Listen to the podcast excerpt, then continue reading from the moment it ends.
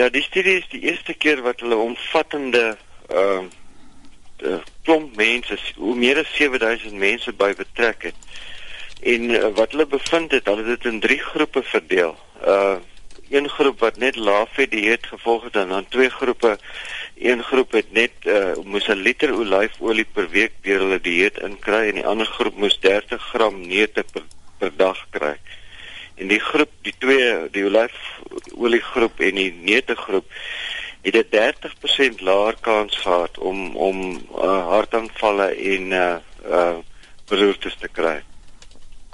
Kom ons kyk 'n bietjie vinnig na olyfolie self. Ons het nou die vleisskandaal, maar 'n paar jaar gelede was daar 'n groot skandaal oor olyfolies en watter olyfolie mens moet koop. Kom ons kyk 'n bietjie, hoe weet mens wanneer jy die ware Jakob weet dit? Wel olyfolie as jy uh, die uh mens moet altyd kyk na wat hulle ek weet nie wat die Afrikaans daarvoor is extra virgin olive oil olyfolie. Uh dit is 'n olyfolie wat deur 'n uh, persproses is en wat nie wat nie deur chemiese prosesse wat deel die olie, olie warm maak nie. Uh, so hulle pers dit uh, dat dit is 'n koue koue proses en daardie olyfolie is die baie goeie olyfolie. En mens kry dit oral te koop en deesdae olyfolie is baie wyd beskikbaar deesdae.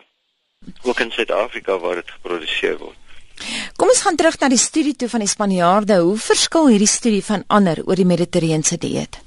Wel die eerste dit is die eerste keer wat hulle dit oor oor 'n lang tydperk doen. Hulle dit dit is 'n studie wat 4 jaar geduur het, het in Spanje gedoen en dit was 'n hele groep Spaanse navorsers uh en hulle resultate is nou gepubliseer in the New England Journal of Medicine. Nou, dit is een van die mees gesaghebende vakjoernale oor mediese navorsing wat in Amerika gepubliseer word en uh, die dit is ook die eerste ewekaanse gesteekproefstudie uh, op mense sonder 'n geskiedenis van kardiovaskulêre siektes. So uh, dit dit maak die studie eintlik uniek. Baie dankie en so gesels ons wetenskapkorrespondent George Klassen vanuit die Kaap.